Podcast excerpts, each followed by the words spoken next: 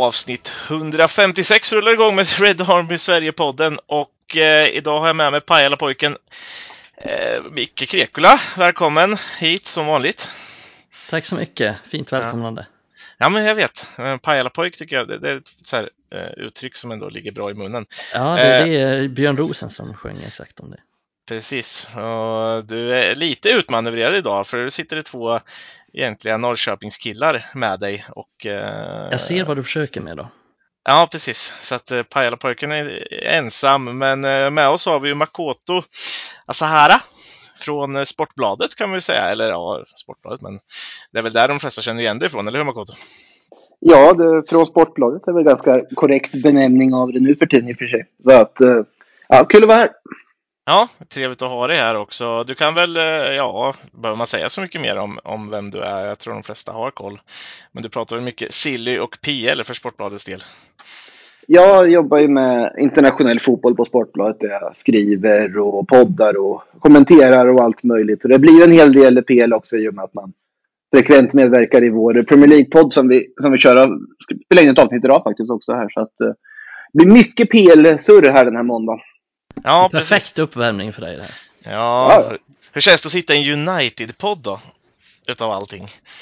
Ja, men det är väl spännande. Det är ju, det är ju bra läge att sitta i en United-podd med tanke på att det är väldigt mycket som är positivt i Manchester United just nu. I alla fall är väl den, den inställningen jag har utifrån. att Såklart med ägarfråga och sånt så är det väl mycket som är osäkert också. Men framförallt på planen så finns det ju väldigt mycket gott just nu. Och, man, och Erik den här ska jag ha all heder för hur han har fått ordning på det här under ändå ganska kort tid måste man ju säga. Och uh, den här helgen var inget undantag. Ja, men precis. Uh, vi kommer snart in på den här helgen, men uh, kan vi bara nämna för våra kära lyssnare som så gärna vill höra dels om olika ägargrejer och sånt. Vi, vi sparar den diskussionen tills vi vet mer helt enkelt. Låter och... rimligt ändå, men ja. man vet ju ingenting just nu. Nej. Exakt, men det, det är också lite för att vi kände fan det är för jävla trist, vi pallar inte med det just nu. Det är också det mandatet som podd, att kunna, kunna känna så. Twitterägare eller sportswashing-projekt? Eller, ja, ja precis. Äh, som, inte den diskussionen nu. Nej. nej, nej, jag tänker att vi sparar på den helt enkelt. Uh, Micke är lika glad efter helgen som vanligt. Du uh, konsumerade mycket fotboll. Um, jo, jag vet inte om jag konsumerade så mycket fotboll, men jag konsumerade United i alla fall, det gjorde jag ja. definitivt. Och glad stämmer också in, väldigt glad efter den här helgen. Många bra resultat. Plus ja, att United det... vann och spelade bra. Precis, man behöver inte bara vara glad att United vinner. City tappar poäng och, och ja, nu lyckades ju Arsenal på något jävla mirakulöst sätt vinna den där matchen också. Men... Eh... Chelsea tappade poäng, men fan det börjar bli så ja. vanligt att jag knappt gläds med det längre. Nej, jag vet inte vad man ska säga om. Jag tycker mest synd om Graham Potter faktiskt, om man nu ska bedöma någonting annat än United. Eh, men vi, vi, går väl in på Leicester helt enkelt. Det är en match vi vinner med 3-0. Eh, en match som, ja, vad ska man säga? Det är eh, den tredje matchen utan Casemiro kanske man kan nämna. Eh, vi tar sju poäng utan Casemiro på de här tre matcherna och det kanske inte var någonting som man trodde skulle kunna hända på ett sätt. Det hade inte hänt för ett eh, ett år sedan skulle jag gissa på. Men ah, ett stabilt resultat, men vad, vad säger vi om det? Micke, du kan väl få börja raljera. Vad säger du om matchen i stort? Ehm, det är väl en match med två halvlekar. Känns som en väldigt, väldigt klyscha att säga så, men det, här var det verkligen så. En dålig första halvlek och en väldigt bra andra halvlek. Eh, men det jag tar med mig är väl att vi har den här tryggheten så att även om vi är, alltså vi är verkligen jättedåliga första halvlek så går vi in i pausvila med en 1-0 ledning så jag tycker väl att det jag tar med mig är väl liksom att vårt spel börjar sätta sig mer och mer. Vi får större och större trygghet och framförallt skapar vi mer framåt också. Vi har fler alternativ framåt också. Det är också någonting som har saknats tidigare, alltså fler alternativ vad gäller spelare att kunna använda men också fler alternativ vad gäller passningar och skapade chanser och så. Så att det mesta känns ganska positivt efter den här, trots den här dåliga första halvleken, men den skiter vi Ja, man kanske inte ska skita i den helt, men eh, det är det som jag tycker är en liten styrka, eller? Just från United, för att ja, kunna vrida på, på, på allting, att eh, gå ut och göra den andra, i alla fall inledningen av andra halvlek som man gör. Ja, men de är ju väldigt medvetna om att det var en dålig första halvlek. Ten Hag sa ju till och med det, att han fick ju frågan om någonting man kan berätta om den första halvleken och sa han till journalisten bara hur mycket tid har du? Eh, Ja, så han, han var ju extremt missnöjd med den första halvleken och sa liksom så att han är väldigt medveten om vad som gick fel och hur han skulle ändra det eftersom han ändrade till andra halvlek. Så att det handlar väl någonstans om att hitta den här jämnheten över 90 minuter. Men det jag menar med styrkan är att trots att det inte alltid funkar, det, vi kan inte förvänta oss att det funkar varje match i 90 minuter heller, efter så här kort tid. Men det är väl det, det man tar med sig att vi trots allt klarar av att göra ett mål och hålla nollan av ja, hur vi nu lyckades med det i den här första halvlek. Men det är det man tar med sig att vi har den stabiliteten. Det är definitivt som du sa innan också att det hade inte hänt för ett år sedan att vi hade gått till halvtidsvila med en 1-0-ledning där. Vi hade ju legat under med 2-0. Precis, och även om Leicester sen eh, liksom de, de ändrar inte på sitt spel något speciellt utan det känns ju som att det är United som, som öppnar upp dem. Eh, och, och det där 3-0 målet är ju en, en eh, skänk från uh, skänk från gudarna kan man väl säga. Riktigt, riktigt vackert att se och kul att Jadon Sancho får göra det också. Uh, Makoto, har du, du, jag vet att du såg matchen, men har du någonting att slänga in uh, tankar bara i, i det generella? Jag tänker att ni är väl så vana vid att hylla Marcus Rashford vid det här laget. Va? Alltså, alltså för att, han inte ens nämns, så det är där på något sätt som, som jag tar med mig på alltså, den formen han har just nu. För det var ju det också Ten Hag sa efter att alltså, ja, första halvlek var skit, men förutom en briljant aktion som var målet. Och den självklarhet och självförtroendet han bara lyser om just nu. Eh, alltså jag håller ju honom som inte bara Premier Leagues bästa offensiva spelare just nu, utan en av världens bästa offensiva spelare just nu. Det måste han vara han. Det ja, ja, men alltså sättet, det kanske inte är så anmärkningsvärt att säga egentligen, men alltså sättet han kan bara avgöra matcher mer eller mindre från ingenstans. För han gör ju allt av inget just nu. Medan förra säsongen så var det ju, han gjorde ju konstant ingenting om man var orolig för hur det egentligen stod till med honom. Han är ju raka motsatsen det här året. Och det, det är ju liksom lite gammalt att säga. Han har haft den här fantastiska formen hela 2023. Men eh, jag tycker det är otrolig matchvinnare just nu. Och sen när du har den kvaliteten du har runt honom också. Så klart att Jadon Sancho får komma in igen och göra det mål. Han gör jättevackert mål hela vägen där också. Det, det betyder jättemycket att få igång en sån spelare.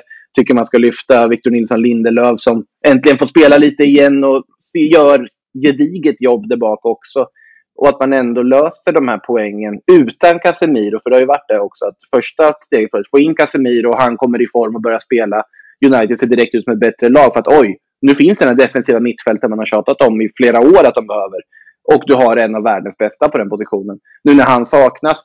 Sabitzer Fred, det är inte samma kvalitet på de två tillsammans såklart. Och samma teknik i försvaret. Men det funkar, de vinner matcher och är i högsta grad med i titelstriden. Men huvudpersonen i allt det här blir ju ändå Marcus Rashford. För att ja, den formen han har nu är helt outstanding tycker jag. Jag tycker det är intressant att du tar upp det för att vi har ju, alltså nu när vi sitter, jag och Jonas, när vi sitter liksom inne i den här United-bubblan så tar vi det någonstans för givet på något sätt. Men precis. Vi tar för givet att han, att han gör de här målen och vi tänk, jag tänker inte att Rashford, ja han gör två mål, han har ju den matchen, men jag tänker ändå inte så efter matchen att han var något speciellt egentligen. Utan ja, men han gjorde en bra match. Så det säger någonting om hur vi ser på det kontra du ser på det. Och du, du nämner ju faktiskt det att han är en av världens bästa just nu. Och det, det går liksom inte att argumentera emot. Han är ju, han är ju det. Mm. Eh, sen tyckte jag det var intressant det du säger, ja men vi saknar Casemiro och, och det märktes väldigt mycket i första halvlek, men i andra halvlek så märktes det inte alls. Men sen har vi ju borta liksom så här Anthony Eriksen, Varann spelade inte, eh, Martial mm. skadad och så vidare och så vidare. Så att vi har ju många spelare borta också, haft många spelare borta egentligen hela säsongen, men framförallt på slutet liksom. Så har vi bara haft fem, sex ordinarie spelare i älvorna, men ändå, ändå vunnit de här matcherna, ändå liksom, jag höll på att säga spela ut Barca på bortaplan, men var liksom bättre än Barca på bortaplan, trots att vi har många, många klara liksom, nyckelspelare borta. Så det är ju, är verkligen en eloge till laget och till Erik Ten Hag framförallt. Det säger ju en del också om att alltså, utifrån så har inte jag tänkt på att det faktiskt är så pass många skadade. Att det på något sätt rullar på ändå. Man, mycket av rubrikerna har handlat om ja, men Casemiro saknas på grund av det där stryptaget. Men att ja, det är ganska många tongivande spelare som faktiskt saknas just nu som man inte direkt tänker på. Det i sig är ju ett styrkebesked och ett tecken på att den här truppen är nog ganska bred ändå. Trots allt eftersom att det fungerar så väl som det gör just nu. Ja, och man kan starta Garnacho i en sån här match. Eh, och, och vi pratade mm. om det förra veckan, vet jag att ja, vi tyckte kanske inte han förtjänade så mycket kritik när han startade senast. Igår var han väl sämre än den han fick så jävla supermycket kritik på. Och eh, lyckades väl inte med så mycket. Även om han inte är dålig så, så blir det ingen matchbild i första halvlek som, som eh, passar honom direkt. Och, och när han inte får bollarna i djupet heller så tappar vi lite av det. Och, och då ser jag Ten Hag där. Och jag tycker att han har fått mycket och, och innan allt det här en hel del kritik mot matchcoachning och sånt vet jag. Vi hade med oss, eller inte vi, utan det var när jag inte var med på podden, så den här Ajax-experten som sa att han kanske fått lite där med just med rotation och de, de bitarna, men, men jag tycker liksom att han börjar sätta det rätt mycket på plats nu i, i United och lyckas med det i alla fall. Sen så såklart, det kan se dåligt ut, men, men då har man de Gea som räddar upp det. Jag tycker Martinez fortfarande gör en, eh, och Lindelöf gör en helt okej okay första halvlek, även om man svajar till ibland och, och det, det, handlar ju mer om att jag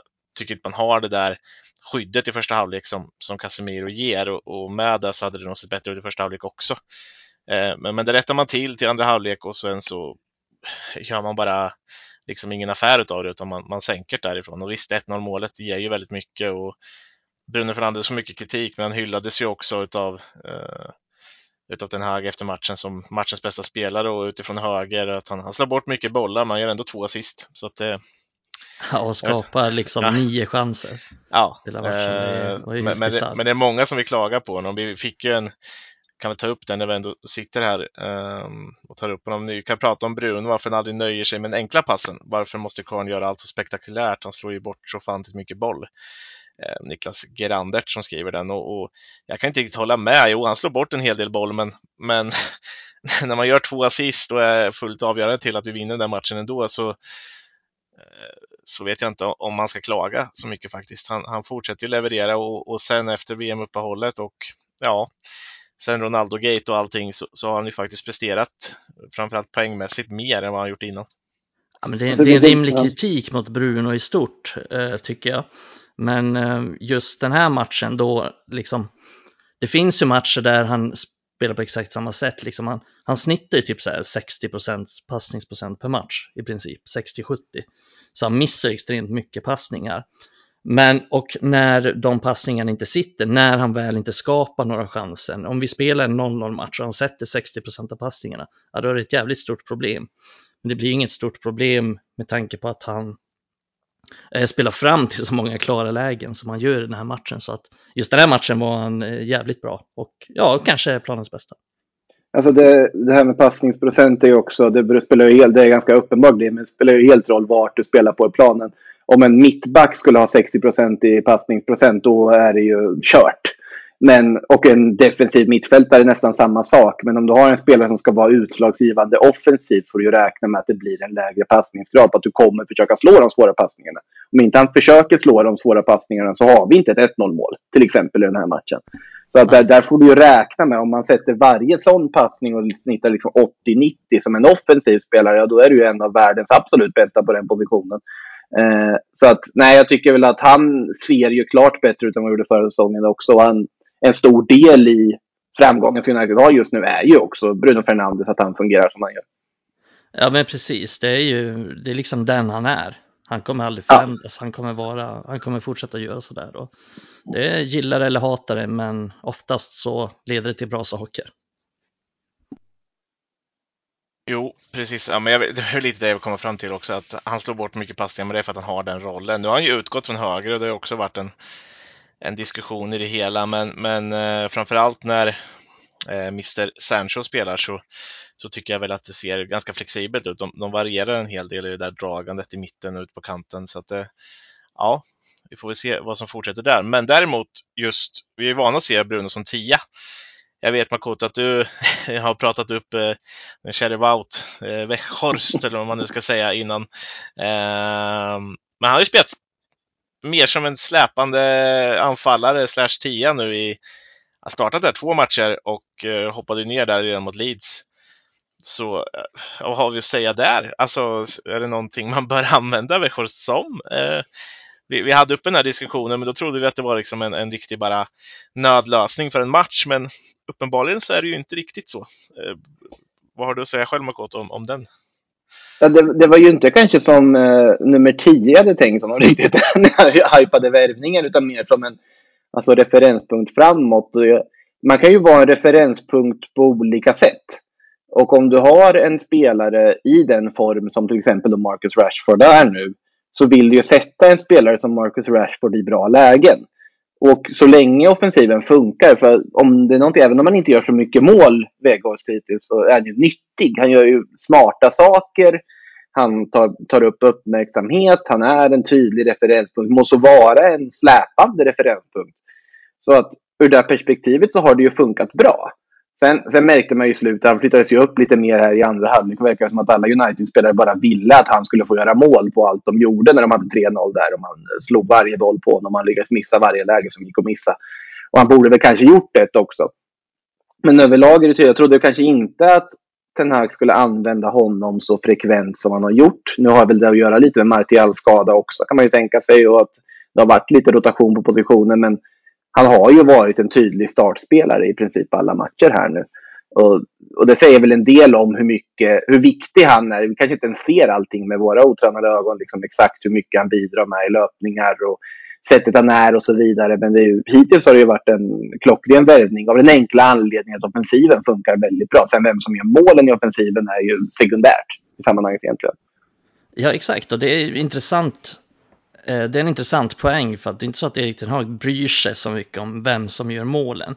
Och jag tror mm. att många har så stort fokus på att han får mycket kritik Weghorst av fansen och det är ju för att eh, man ser det tydliga liksom att han får chanser, missar dem och de tänker en striker ska göra mål på chanserna. Eh, och det är uppenbart, han är ingen han är ingen jättebra striker, han är liksom 30 bast och spelar i besiktas. Han är inte top notch liksom, det vet vi sedan innan. Men det som är intressant är ju att han spelar som 10 och används som det. Och det är ju för att, alltså jag misstänker att det är för hans liksom arbetskapacitet, men också den defensiva sidan. För att kunna vinna de här duellerna, för att kunna fungera bra centralt och det är framförallt, tänker jag, när Casemiro saknas för att vi blir ganska ihåliga och det märker man i första halvlek också mot Leicester. Att vi blir ganska ihåliga centralt, enkelt att spela igenom oss enkelt att vinna de här duellerna där och vi har ingen riktigt defensiv mittfältare. Så jag tror att det helt enkelt är anledningen till att han spelar där och han vinner ganska många vinner ganska många dueller och det är något tillfälle där han är liksom vid eget straffområde och glidtacklar. Och ser man liksom så här på utgångspunkten och average position liksom i, i matchen så han, ligger han ju längre ner än vad Sancho gör, längre ner än vad Rashford gör och så vidare och så vidare. Så att hans utgångspunkt är ju typ Freds utgångspunkt. Så att egentligen spelar han eh, nästan som tre mittfältare där i, under den här matchen. Och, eh, ja, och det, det blir ju hans roll liksom. Och jag tänker också att ja, jag vill ha honom. I den här matchen så vill jag ha honom som en slags uppspelspunkt. Jag vill ju att han ska kunna ta emot bollar och fördela till andra, men ja, man får köpa vad Erik Den Hag tänker där och det är svårt att säga att det inte har blivit bra för att även om Weghorst individuellt inte har gjort något mål, vilket liksom märks också på honom själv. Man märker att han blir ledsen, typ så här nej, nu missade jag den här chansen igen. Men laget har funkat bra och det är väl trots allt det viktigaste. Och jag tänker liksom så här när man Weghorst kom in istället för Ronaldo och så började jag tänka idag på att ja, men Ronaldo har säkert gjort mål på någon av de här chanserna. Men hade United varit lika bra med Ronaldo som de är med Weghorst? Nej, jag är ganska säker på att svaret är nej. Nej, men oh, precis det du säger där. Nej, inte en chans att, han hade varit, eh, att vi hade varit lika bra med Ronaldo, för vi hade inte fått det jobbet. Och, och jag vill bara, man kan ju lyfta det som Ten Hag själv lyfter, alltså att när man plockar upp honom på topp i andra halvlek, ja men då, då får United ett bättre pressspel. Och ja, han ligger lite högre upp och, och tydligen så Ten Hag vill ju ha ut det här pressspelet och han är ju uppenbarligen väldigt nöjd med med Weghorst i, i det eh, och i jobbet han lägger ner. Det är det han säger också varför han spelar honom den har gjort. Ja, men han jobbar så pass bra, han vinner så pass mycket boll. Han såg ut att göra lite Wan-Bissaka-tacklingar med den där kroken på foten eh, x antal gånger under matchen också. Eh, ja, men han det... ligger ju indirekt bakom andra och tredje målet för att ja. vid andra målet där, då är det han som drar upp, eh, vad heter han, Harry Sutter, ur position så att Rashford får den ytan i djupled och han gör exakt samma sak, eller han drar isär backlinjen med att, med att eh, David Luiz-kopian följer efter honom vid tredje målet så att Sancho får, Sancho får utrymme så att man kollar dem, så man kollar dem han spelar som David Luiz också. Han är, han är väl namne med, med Weghorst till och med? Heter inte båda Ja, det är ju Wout också. Ja, det är Wout. Eh, nej, men definitivt. Och sen är det ju så att han gör ju mycket nytta i de löpningarna också. Så det är inte bara att han gör defensiv nytta och sen kommer han ju till chanser också. Det var mer orolig om han aldrig kom till chanser. Eh, så jag gill, det gillade jag för att man kan byta man kan förändra hans position i andra halvlek där han spelar mer än topstriker så får man hans pressspel och hans arbetsinsats. Men det har ju Erik Ten Hag gjort med flera andra spelare. Vi, ja, men vi diskuterade Bruno nyss. Det är ju väldigt intressant med honom till höger. Eh, och så om vi tänker liksom, vad är Brunos styrkor egentligen? Jo, men det är liksom, i vår diskussion så blir det ju solklart vad hans styrkor är. Hans styrka är att slå avgörande bollar. Vad är hans svagheter då? Jo, han trivs inte särskilt bra under press och är inte särskilt delaktig liksom i speluppbyggnaden. Vilket betyder, ja men han fungerar inte lika bra centralt. Eh, missförstå mig rätt, han är jävligt bra centralt, han är jävligt bra tia, men när han väl får bollen, det är då han har sina styrkor. Och då får han ytan när han har dem på högerkanten. Så att han kan lika gärna slå de avgörande bollarna därifrån som centralt. Det viktiga är att han får yta, han får tid, han får löpningar framför sig. Och det får han på högerkanten. Plus att han är ganska man, han jobbar hårt defensivt så att man får ju den biten också på högersidan. Sen tycker jag inte han är, han är liksom inte så skicklig defensivt. Det är mycket han gör typ när han får bollen felvänd. Han kan komma ner ibland så här vid vår backlinje ska hämta boll och så där och då gör han mycket dumma saker typ. Ja, men han står för någon klack eller han gör si eller så. så han är ganska farlig i de situationerna så att det är nästan bättre defensivt också att han håller sig på kanten och att han gör sitt jobb där. Eh, så jag tycker det är, det är många intressanta taktiska saker som Erik har gjort och det har han gjort med Weghorst, det har han gjort med Bruno, det gör han med Sancho också, lägger in honom som tia i den här matchen och får extremt bra effekt. Så att många intressanta taktiska saker han gör bra, förutom att han liksom sätter upp ett bra lag och har förändrat mentaliteten i det och kan förändra matcher och så vidare och så vidare. De här fyra på topp, alltså jag ser ju inte dem som på fasta på sina positioner på något sätt. Utan där blir det ju lite Nej. mer vad läget ger. Sen så här, i Vegårds-fallet också så börjar jag direkt tänka på, nu, nu var ju för sig Olivier Giroud spjutspets mer i det här franska VM-guldlaget 2018. Man gick igenom hela den turneringen utan att göra ett enda mål. De hade inte vunnit det där VM-guldet om inte Giroud hade varit på topp där. Så att det finns ju samma, samma effekt i att du, om du har så pass bra spelare runt om så kanske precis där du behöver en spelare som inte behöver skina i rampljuset, som kan ta det hårda jobbet. Eh, alltså jag har ju alltid älskat Mario Mandzukic som spelare när han var aktiv. Jag minns när mm. Juventus spelade honom som ytter någon gång på pappret. Och det låter ju helt bisarrt att tänka sig Mario Mandzukic som en ytter, men det funkade. För att du har du, den liksom, profilen på något sätt finns där som är uppoffrande, osjälvisk tar grovjobbet och låter andra skina och även kan avgöra saker själv. Så, att, så absolut, Vegas borde ha gjort fler mål rent individuellt på de chanser han har haft. Det tycker jag. Men såklart att han hittills har varit en lyckad rekrytering sett till att Manchester United-offensiven överlag ser bättre ut än vad den gjorde tidigare. Absolut. Eh, och, och där kan man väl dra bara en parallell till Anthony också. Alltså, någonstans så, så börjar Ten Hag förtjäna det där att man tror på vad han säger.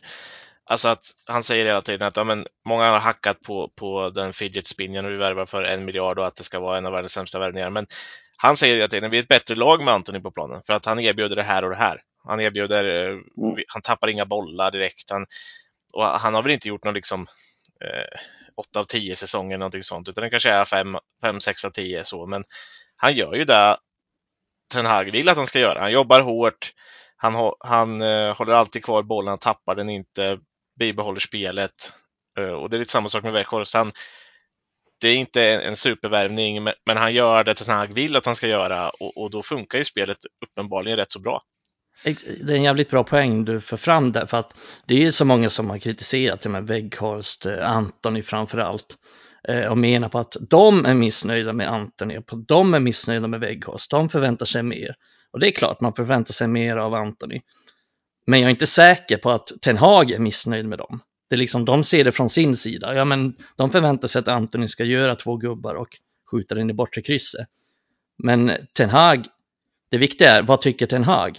Ja, det är uppenbart, tycker jag, för han startar Anton i varje match. Han startar Weghorst varje match. Han är nöjd med dem. Han får ut det han vill ha ut av dem. Sen kanske det inte är två överstegsfinter och skott i krysset. Men han ser till hela laget, att de gör saker som blir bra för hela laget. Och det är där Weghorst är nyttig och det är där jag också tycker att Anton är nyttig. Sen tycker jag kanske inte att Weghorst ska starta varje match och så. Eh, men jag ser vad Ten Hag ser. Jag ser att han gör bra saker som Ten Hag tycker är bra. Som jag förstår liksom varför Ten Hag gillar honom. Jag förstår varför Ten Hag gillar Anthony. Även om jag själv också kräver mer av just de två spelarna. Skillnaden är väl att Anthony också kostade just en miljard medan Vegas kostade en sorts symbolsumma man gav till Besiktas för liksom, tack för att vi fick låna honom. Så att det, där, det blir en annan kravbild på så vis. Sen absolut, ändå mm. investerat där har gjort på en ung spelare som Antoni, då ska du ha tålamod med det också. Det är allt för tidigt att kalla honom en flopp egentligen på något sätt. Även om du såklart ska förvänta dig viss kvalitet rakt av när du värvar en spelare för den enorma summan som man gör. Jag tyckte ju att den den summan var hutlös till kvaliteten på spelaren. Men såklart att en spelare man ska ha tålamod med. Nu när du har gjort den här värvningen, när du sitter i läget och investerat så här mycket kapital och förtroende på den spelaren, då ska han ju vara en spelare som, som du ska lita på kan börja hitta rätt också. Så ja, att, eh, ja, det är bara tålamod på den, den värvningen också. Säga. Sen, sen har man en väldigt fin bredd också med mycket ungt. ungt. Jag är ju helt fascinerad för övrigt hur Facundo Pelistri kan ha varit en spelare som, som bara varit i periferin under en hel höst och plötsligt bara dyker upp. Till exempel. Så att det finns ju bra. Ja. Mycket offensiv konkurrens i alla fall kan man säga. Ja men det finns ju, jag ska bara avsluta det med Antoni, att det har vi väl konstaterat förr i podden, tror jag i alla fall. Jag tror att vi var ganska ense om att men det är för mycket pengar för honom. Är, han är ja. liksom inte värd en miljard. Han är inte så bra. Han kommer nog aldrig bli så bra att han blir en, en miljardspelare. Men jag tror att han blir en blir en liksom bra och nyttig spelare och det är det jag försöker göra. Poängen med Erik Den Haag är att är han nöjd med honom? Det är en annan sak än om vi supportrar är nöjda med honom. Eh, det är ja. liksom en helt annan diskussion. Eh, nej men det är, jag håller med dig om Pelistri, jag gillar Pelistri, tycker det är en, en väldigt bra spelare som från ingenstans bara kommer in. Det är ju verkligen så. Eh, så det finns mycket potential där och Meganacho har ju skyhög ja. potential också. Sen Kobe Maino som kommer in i den här matchen. Förvisso ingen ytter, men central mittfältare som är, är extremt intressant spelare, extremt hög potential. Eh, så det finns mycket bra som kommer underifrån. Ja, och sen har vi Ahmad Diallo som flackar runt i Sunderland och, mm. och, och showar upp eh, Championship titt som tätt. Alltså, Kanske mer Langa. Ja, Kvar. ja, än så länge. Än så länge. Alltså, jag tror vi hade uppe det i förra avsnittet också, att podden, alltså i podden här, att eh, egentligen bredden, framförallt framåt, är ju inget fel på. Det är väl just på en position som nia. Eh, om man ska se det så, då, med tanke på att Martial så jäkla ofta är borta. Så, så, så kan man väl se det lite. Det är inte Rashfords absolut bästa position. Han har väl varit bättre när han har utgått från, från vänster. Men nu tycker jag ändå att Tenag faktiskt har väckt honom även när han ligger som, eh, som spjutspets.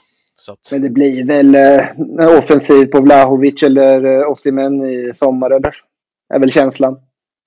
Man, alltså, de kommer ju gå för en forward, det är helt uppenbart. Ja, men det, det, är klart, annars hade de väl inte lånat in Weghorst nu. Alltså så, Nej.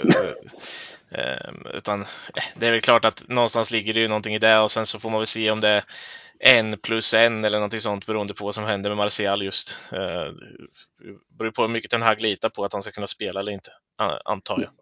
Om Bayern förlänger med Choupo-Moting eller inte.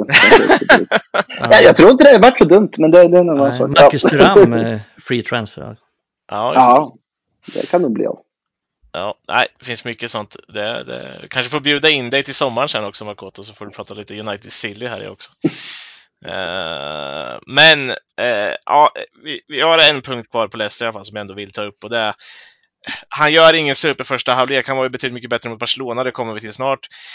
Men Fred får ju skit efter skit efter skit alltså. Och, och Ja, jag tycker inte han är superbra i första halvlek och, och det ser mycket bättre ut. Framförallt Sabitzer ser mycket bättre ut när McTominay kommer in och Sabitzer får spela på, jag tror den lite mer tilltänkta positionen eh, på Eriksens plats så att säga. Eh, men, men Fred gör ändå assist i den här matchen. Det är ingen dålig passning på den. Eh, han, han har gjort fyra mål och fyra assist den här säsongen och jag tycker han får mer skit än någonsin. Är, är det liksom berättigat i allt det här? Eller? Ja, alla lag har väl en spelare där fansen fokuserar mer på vad han inte kan göra snarare än på vad han kan göra. Eh, och Fred är ju liksom ingen, han är ingen defensiv mittfältare. Han kan inte gå ner djupt i planen och hämta bollar och fördela. Det är inte den han är. Lika lite som Bruno Fernandes är den spelen. Eh, så för mig är det tydligt att Fred måste använda sig en specifik roll och först då är han bra. Eh, sen kan man ju se skillnad när han spelar med Casemiro kontra Sabitzer. Och det samma gäller egentligen för Sabitzer. Bara att han inte kunde visa det än eftersom han endast spelat med Fred. Äh, lite med McTominay också. Nej, men jag tror att fans överlag dåliga på att se spelare för vad de är. De förväntar sig att Weghorst ska göra mål. Och när han inte gör det är han en sopa liksom. De förväntar sig att Fred ska vara en defensiv mittfältare, styra spelet och när han inte är en spelare så är han en sopa. Eh, men han får ju mycket kritik där med att han ger bort bollen och, och det är såklart en av hans svagheter, det tycker jag också. Men eh, jag kollade lite så här passningsprocent som vi pratade om innan och det är intressant att han har faktiskt bättre passningsprocent än Casemiro den här säsongen. Eh, och även bättre än Sabitzer i den senaste matchen.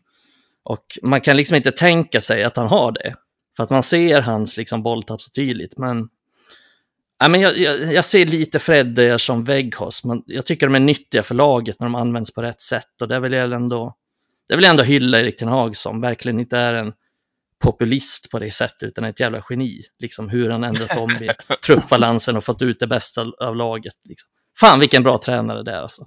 Ja. Till man... kräver att folk ska åka hem direkt efter en Europamatch. Bara en sån sak. ja. Sen kan man slänga in Fred mot Barca och Fred kommer vara bäst på planen som han alltid är i den typen av matcher där man inte tror att han ska vara bäst. Ja. Alltså, ni har ju fel person inne om ni vill ha någon som eh, sågar Fred. För jag vet, de som lyssnar på Premier League-podden vet ju att jag har suttit i Fred-båten länge. Ja. Eh, för att jag, jag har alltid tyckt att han, han får oförtjänt skit. Och det har ju på något sätt blivit att man förväntar sig fel saker av honom. Såklart att han inte ser bra ut när de har spelat utan någon form av mittfältsankare som fungerar i flera säsonger. Absolut, inget ont om Scott McTominay, men han är inte den säkerheten. Han är inte den liksom, eh, vad heter, försäkringen som man behöver på ett världsklassmittfält. Och Fred har ju lidit där såklart. Men jag tycker fortfarande det är en spelare som överlag underskattas ganska rejält. Och sen bara titta på det han har gjort när han spelade i landslaget med Casemiro tidigare. Det är en bra fotbollsspelare. Så att jag kan helt hålla med om att han får mycket oförtjänt kritik eh, lite för ofta. Verkligen, man hör ju alltid det, han kan inte passa, han kan inte slå passningar. Eh, det tycker jag är helt fel. Ja, han, han är dålig på att slå passningar när han hamnar under press, liksom felvänd en meter från eget straffområde. Men han är inte dålig på att slå passningar, han, han kan slå avgörande passningar. Det har vi sett i Brasilien, det såg vi ja, men till och med senaste matchen. Han ja, gör precis. många, många bra passningar. Så att han är absolut ingen dålig passning. Där tror jag man får knyta diskussionen till var är han en dålig passningsspelare?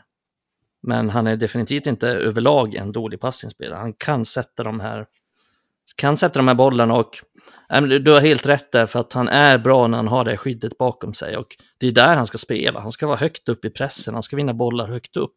Kom ihåg den här matchen mot Spurs liksom när de, de kom knappt ut ur eget straffområde för att Fred var exakt överallt och vann tillbaka bollar och jagade dem som en jävla rottweiler runt hela planen. Det är där han ska få vara och det är där han ska kunna få tappa boll. Men det är klart att tappar han boll utanför eget straffområde då syns det tydligt, det blir kostsamt och så vidare och så vidare. Eh, så det är väl därför han får så mycket skit också. Men en dum referensram kanske, men titta på hans Fifa-kort varje år. Han, är ju liksom, han har ju jättevälrundade stats och snabb och allting och superbra att spela med. Och det är ju för att han faktiskt är en tvåbacksmittfältare som ja, ska göra liksom annat framåt också. Så att det, Sen kan han ju sluta skjuta för det sista nu Ja, det kan han.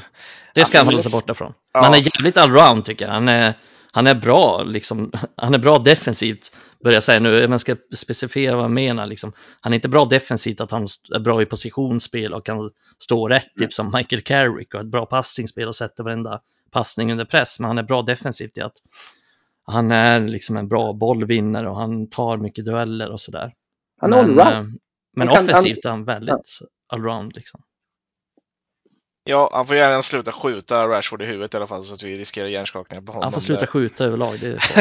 Han är en brasiliansk innermittfältare, såklart han ska ta ett skott ibland som inte är på Ja, han är fan en, han är inte brasse. Ja, det är kul att vi hittat de mest obrasilianska brassarna som går att hitta. Typ. eh, eh, så. Men eh, Casemiro känns ju inte så jävla brasiliansk heller jämt. Eh, men nej, Nej. Den, den grabben älskar man ju. Och Ni har ju en Om- fidget spinner också, det går i andra ja. kategorin. Anton är ju väldigt, väldigt brasiliansk. Vi har ju också haft en, en ja, Andreas Pereira får väl också gå som brasse, dels, delvis i alla fall.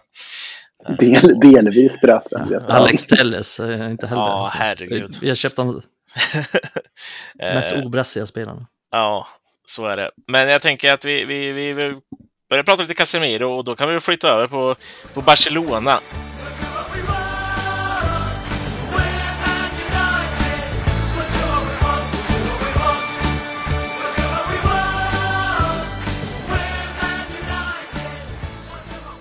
Och eh, vi har väl redan varit inne lite på det och nämnt det i, i stycken här, men, men det spelades ju en match förra torsdagen, eh, 2-2 på Camp Nou. En eh, mycket möjligt Uniteds bästa insats för, för säsongen.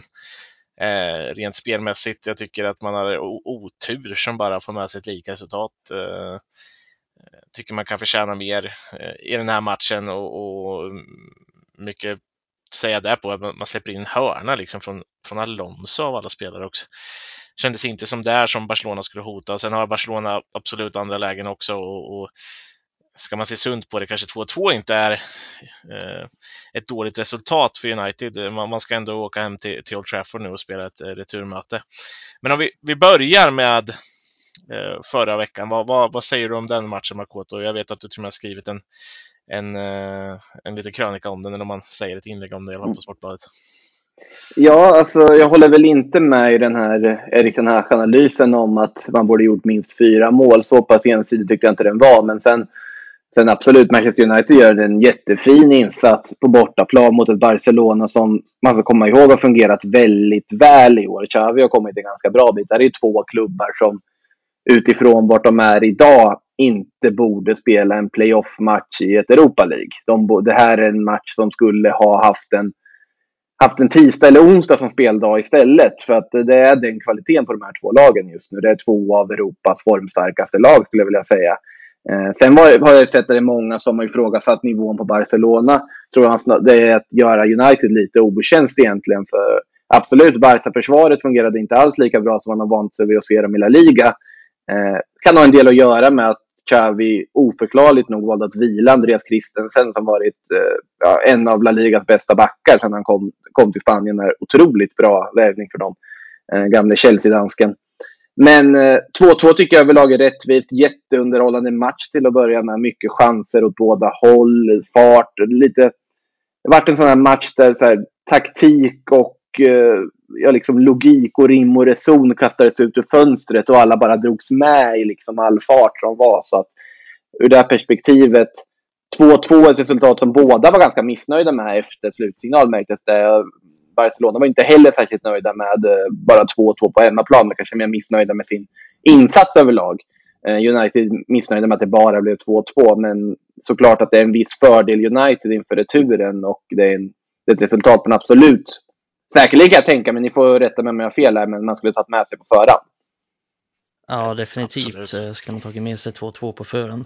Tänkte att det skulle bli mycket svårare, men man är så van vid United-supportrar att vi möter liksom ett topplag som ändå bara så här, vad fan, de leder La Liga liksom. Det är klart att det är ett jävligt bra lag. Eh, och då har man alltid förväntat sig att United liksom ska backa hem och knappt ha några målchanser överhuvudtaget. Så var det till och med när United var bra på Fergusons tid. Och så har det definitivt varit efteråt, liksom med Solskjaer, Mourinho, Mm.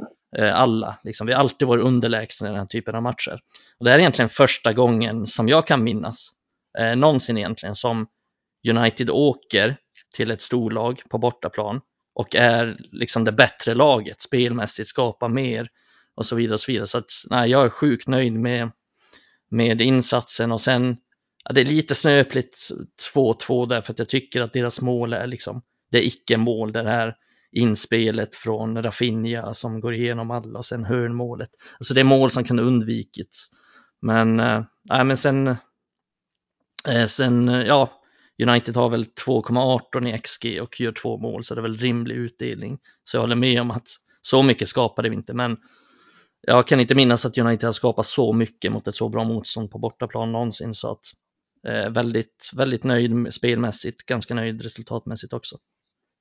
Ja, då får man ändå, United missar ju ändå, vi, vi var inne på honom förut, men Weghorst han har ju bara gjort ett mål, det var väl i kuppen mot Nottingham, uh, och ja. han, han bränner ju ett, ja, ett läge han ska göra mål på, framförallt uh, så måste man väl göra mål på ett sånt läge. Ja, å andra sidan så ska inte Rashford göra mål där kanske. Så Nej, precis. Det är, liksom det, det är väl så. Men, men där är vi lite inne på det där just med Rashford. Att du, du sa det förut Makoto, att han helt plötsligt så bara trollar fram ett mål egentligen från, från inte jättemycket alls.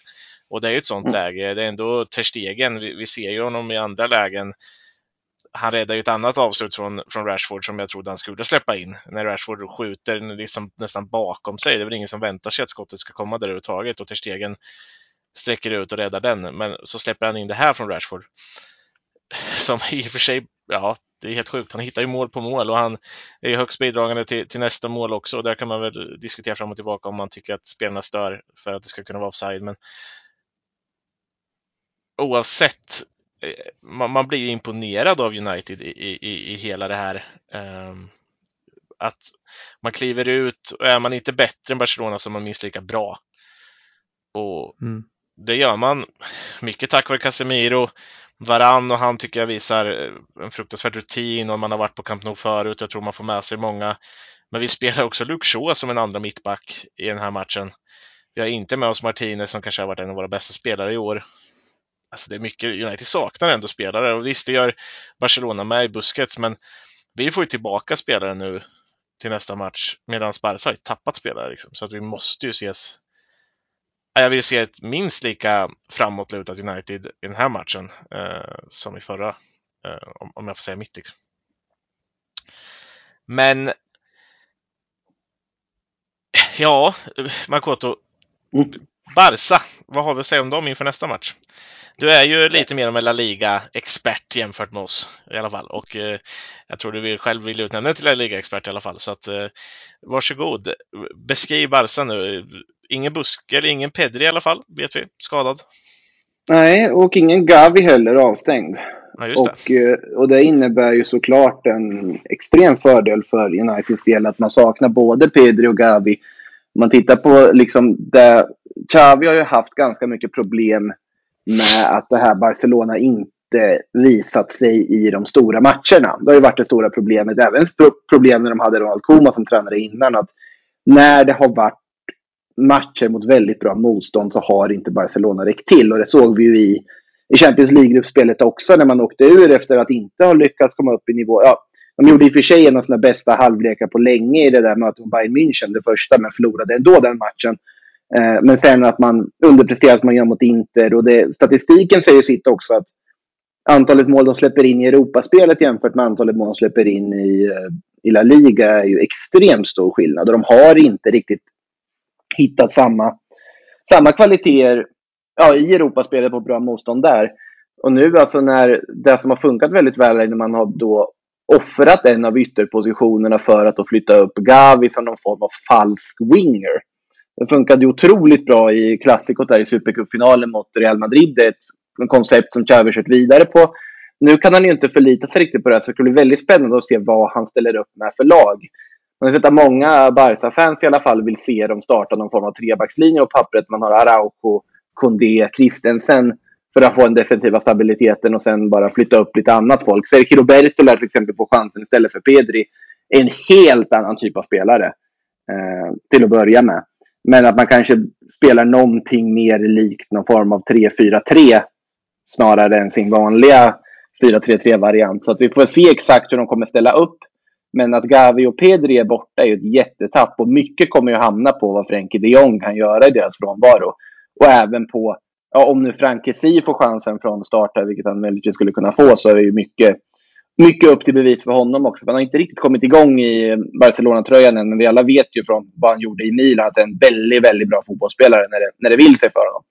Så det skulle bli väldigt intressant att se vilka taktiska drag Xavi väljer att göra här. Eh, de måste ju gå för det på något sätt. Eh, jag har väldigt svårt att se ett Barcelona som backar hem och låter United ta över liksom, ja, ha spelet och bollen för mycket. Så att, eh, men såklart en fördel United sett till att det är väldigt tunga tapp för Barcelona. Och sen är Osman Dembélé skadad fortfarande också. Och det är ju också ett jättetapp. Han hade ju en alldeles strålande form innan, eh, innan han gick sönder här igen. Så att, men i ligan så puttrar de på, vinner sina matcher. Sen har de inte riktigt levererat i Europa och frågan är om de kan hitta den här extra växeln och faktiskt få en riktigt bra Europa-insats här på Old Trafford. Det hade nog betytt väldigt mycket för dem inför fortsättningen. Men jag är inte säker på att de kan få det med de här nyckelspelarna som, som ändå är borta. Ja. Eh, du, du får rätta mig om jag har fel här, men det känns väl som att just när de är borta nu, Pedro och Gavi, att mm. de tappar i possession-spelet, liksom i den tryggheten. Och jag tror att det United gjorde bra mot Barcelona var att kunna pressa dem högt och vinna mm. bollar tidigt och på så sätt skapa ganska enkla anfall genom snabba, raka bollar. Och det hade ju de ju svårt med, trots att liksom Pedro och Gavi spelade som är så pass bollsäkra. Men nu kommer det ju vara liksom ännu sämre där. Nu kommer väl Busquets in också som är, ja alltså Busquets har alltid varit en fantastisk spelare såklart, men på ålderns höst så är han väl ganska känslig för, för det här tempot som kan komma att bli i den här matchen, tänker jag, på Old Trafford. Eh, ja, ja. Sen, sen tänker jag också, liksom, Barca puttrar på i La Liga och då börjar jag tänka på så här, liksom, de hade enormt svårt med liksom, snabba omställningar, Uniteds snabba omställningar och Rashford och så vidare och så vidare. Och det har ju alla lag, liksom. det, är, det är en mardröm att möta United när man har mycket boll och det har vi sett eh, när United har mött City, när United har mött Liverpool och så vidare och så vidare. United har ju fortfarande, och det glömmer man lätt att ja, Erik Hag vill ha mer possession och vill ha mer bollinnehav och ja, de flesta matcher så dominerar vi eh, numera. Men vi har ju fortfarande det här omställningsspelet som är så extremt bra och extremt vasst och det fick Liverpool känna på och det har City fått känna på och det har, det har flera andra lag fått känna på och det kommer Barca få känna på och det fick de känna på på Camp Nou också. Precis. Och det är väl där jag känner med Barca att de har de möter inte riktigt den typen av liksom, kvalitet i omställningarna vanligtvis i La Liga så att det tyckte de hade svårt med på Camp Nou. Det tror jag väl att de kommer få ännu svårare med nu på Old Trafford. Eh, när United väl vinner bollen högt med, ja men vi kommer förmodligen ha Fred där som är väldigt aggressiv högt upp i planen och vinner boll och Casemiro kommer vinna bollar och kanske, nu vet jag inte hur United ställer upp, men Sabitzer kanske kommer in och, och vinner bollar och Vegas kanske är någon slags defensiv tia och vinner bollar så att vi, det är det spelet tror jag som kommer bli i den här matchen, där, att United kommer försöka vinna de här bollarna sen, snabba raka bollar på på framförallt Rashford, men att Bruno får bollar också och kan slå de här snabba raka och där vet vi ju hur bra han är på att slå dem och så vidare. Och så vidare. Så att jag känner väl att det är nästan, jag är nästan oroväckande positiv här för att jag tror att United vinner den här matchen. Allt beror väl lite på hur Xavi anpassar sig i ett läge, för det har du helt rätt i att de förlorar ju mycket på att de här passningskombinationerna som Gavi Pedri tillsammans kan lösa tillsammans med Frenkie de Jong och så vidare. De förlorar mycket i att de inte finns. Busquets har ju varit ganska ifrågasatt under hösten. Och det var ju när han fick spela med Gavi, Pedri, Frenkie de Jong som han plötsligt fick den här liksom tryggheten på mittfältet och i uppspelsfasen och i possession som, som de kanske saknar stundtals. Så det är där jag menar lite med att det blir väldigt mycket upp till bevis på att spela som Frankie Frenkie de Jong, Sergio Roberto. Att de kan kliva fram, det är inte riktigt samma typer av spelare på något sätt. Eh, mm. Frenkie de Jong kommer ju ha en extremt viktig roll eh, för Barca den här matchen. sen, sen defensivt, så alltså med spelare, alltså de har ju de kommer inte göra om misstaget att vila Kristensen igen. Det har jag väldigt svårt att se. För att det tyckte jag var helt oförklarligt med tanke på den formen och visat.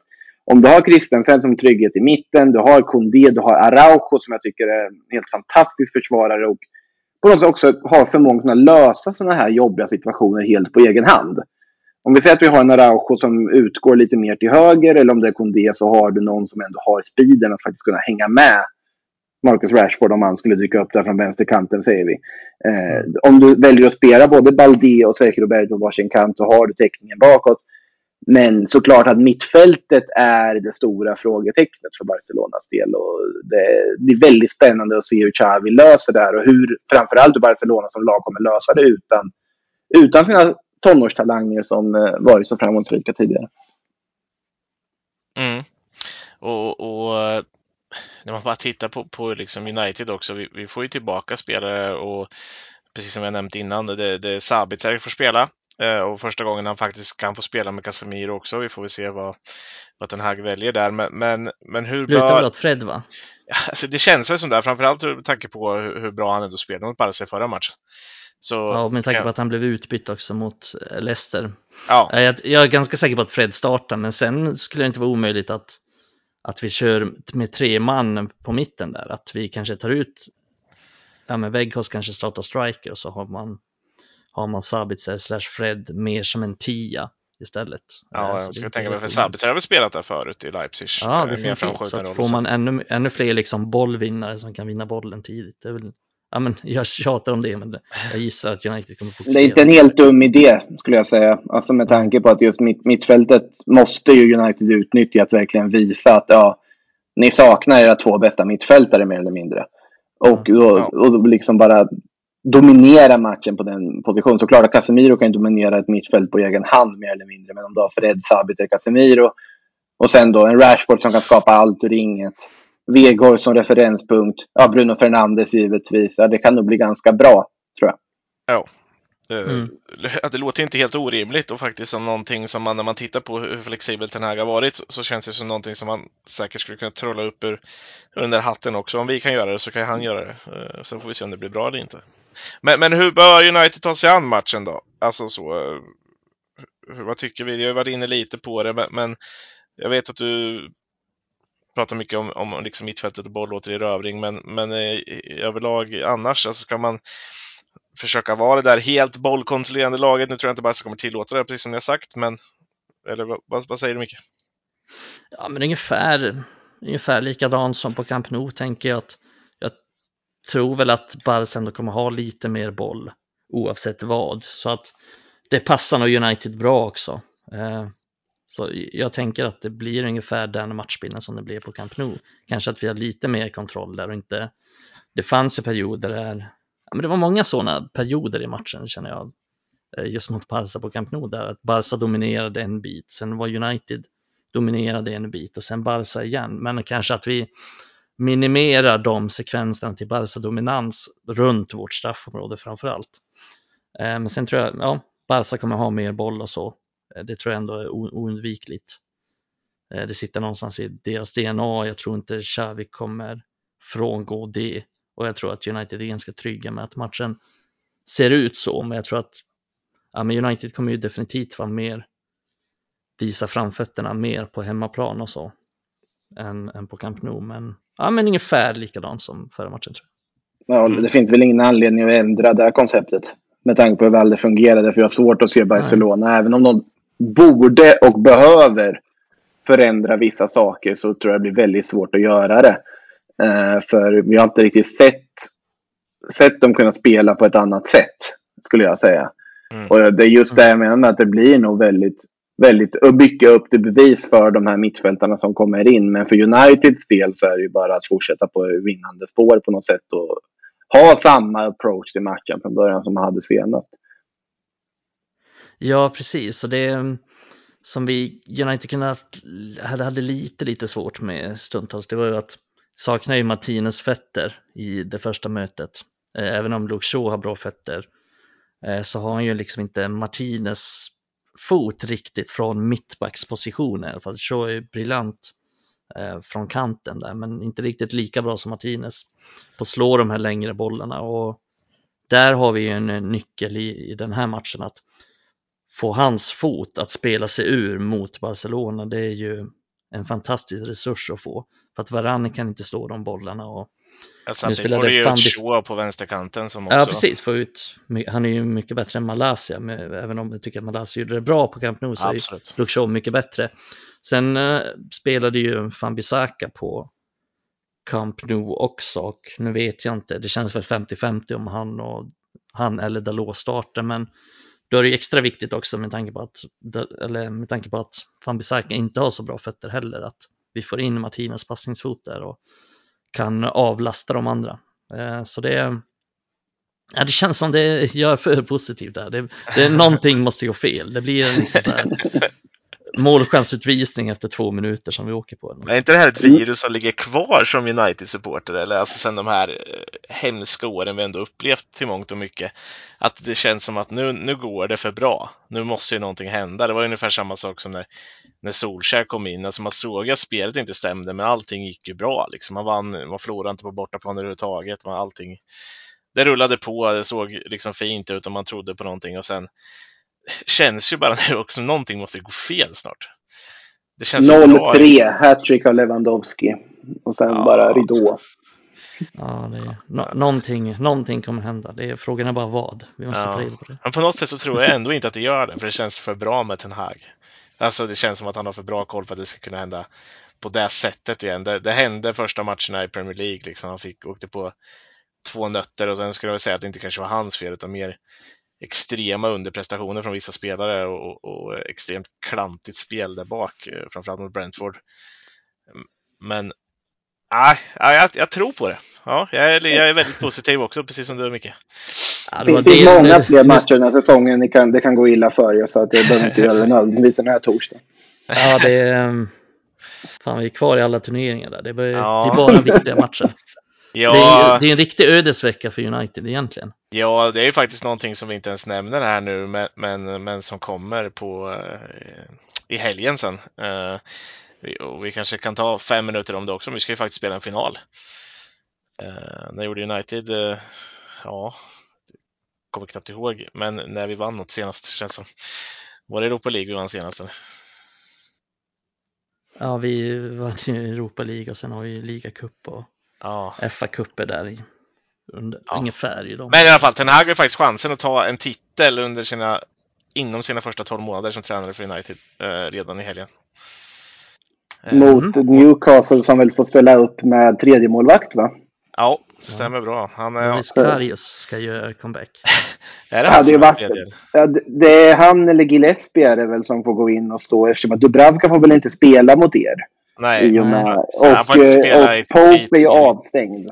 Eh, ja. Så att eh, det hade ju varit någonting ändå om Loris Karius går in och, och liksom ger revansch för... Någon, han kommer göra någon jättematch.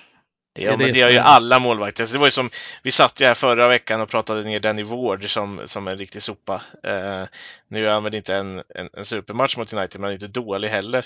Men, men framförallt så... så oväntat satt, bra. Han var oväntat bra med fötterna alltså. Han satte ja, bara, de var uppe och var en decimeter ifrån honom. Han satte passningarna på läppen ut på dem på kanten. Jag har aldrig sett han så bra i år.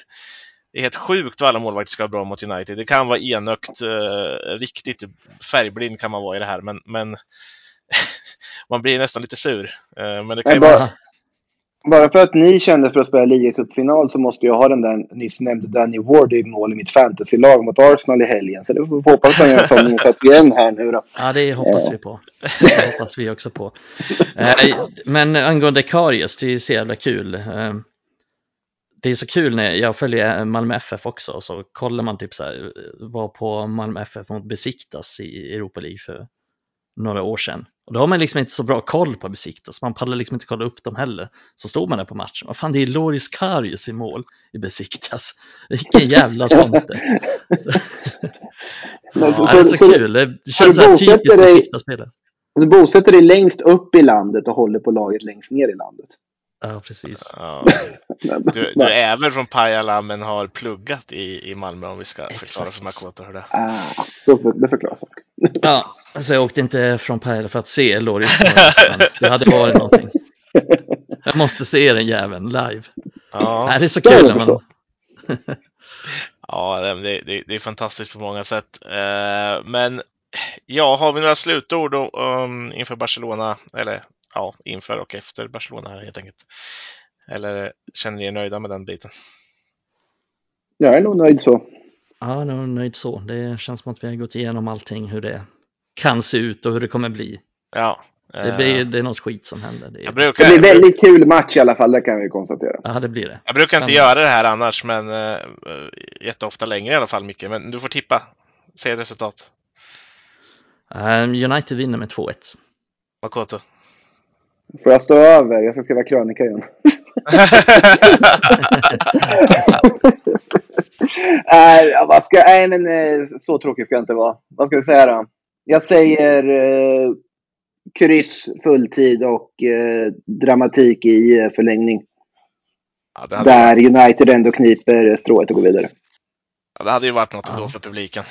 Kan man ju tycka. Ja, verkligen. Fy fan, jag vill inte ha förlängning där. Alltså. Inte jag heller. Det värsta som finns är att skriva matchkrönikor när det blir förlängning och man inte vart det kan jag säga. Ja, li, lider inte med dig ändå, för du får ändå jobba med något riktigt. Nej, jag vet. Det, det, nu gnäller jag över saker man inte ska gnälla över. Men, men tre- 3-0 eller 0-3 är de perfekta resultaten. Då har man en tydlig... Och det är ganska fort helst så är det avgjort redan i paus. Man kan börja fila formuleringar där någonstans i minut 50.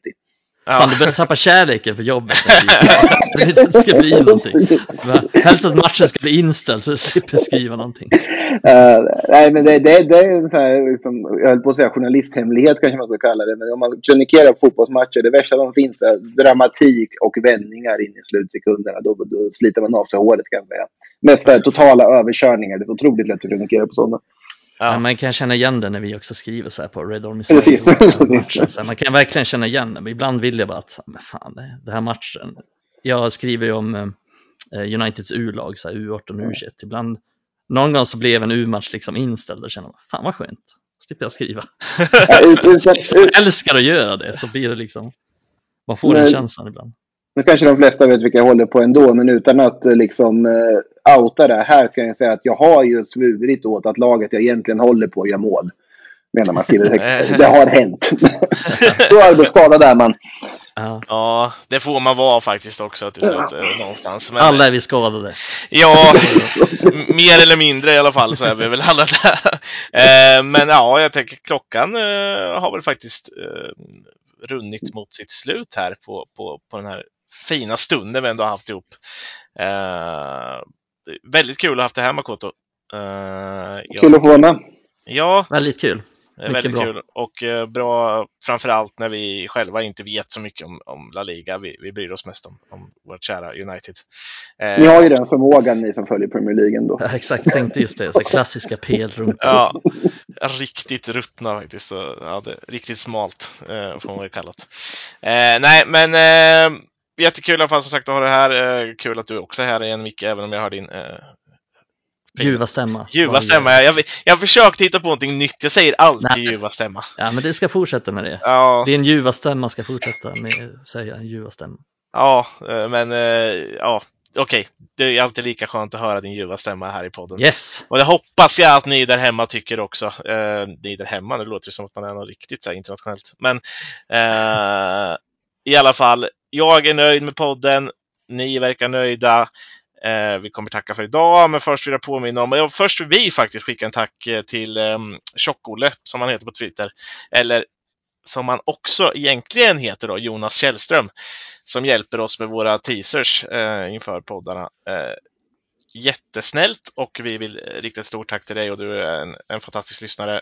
Eh, alltid med och alltid... Legend, Tjock-Olle. Ja, precis. Skönt namn också på Twitter ändå. Eh, men annars så hoppas jag att ni får en trevlig vecka, att United eh, både vinner titel och eh, avancerar i Europa League så, så kommer vi vara väldigt glada nästa vecka när vi återkommer igen. Tack Makoto, tack Micke. Vi Men hörs. glöm inte, glöm inte att något kommer gå åt helvete mot Barca. Någonting. Något kommer gå åt helvete. Vi hörs Och nästa vecka. Newcastle också. Nej, tyst. Hej då! Hej.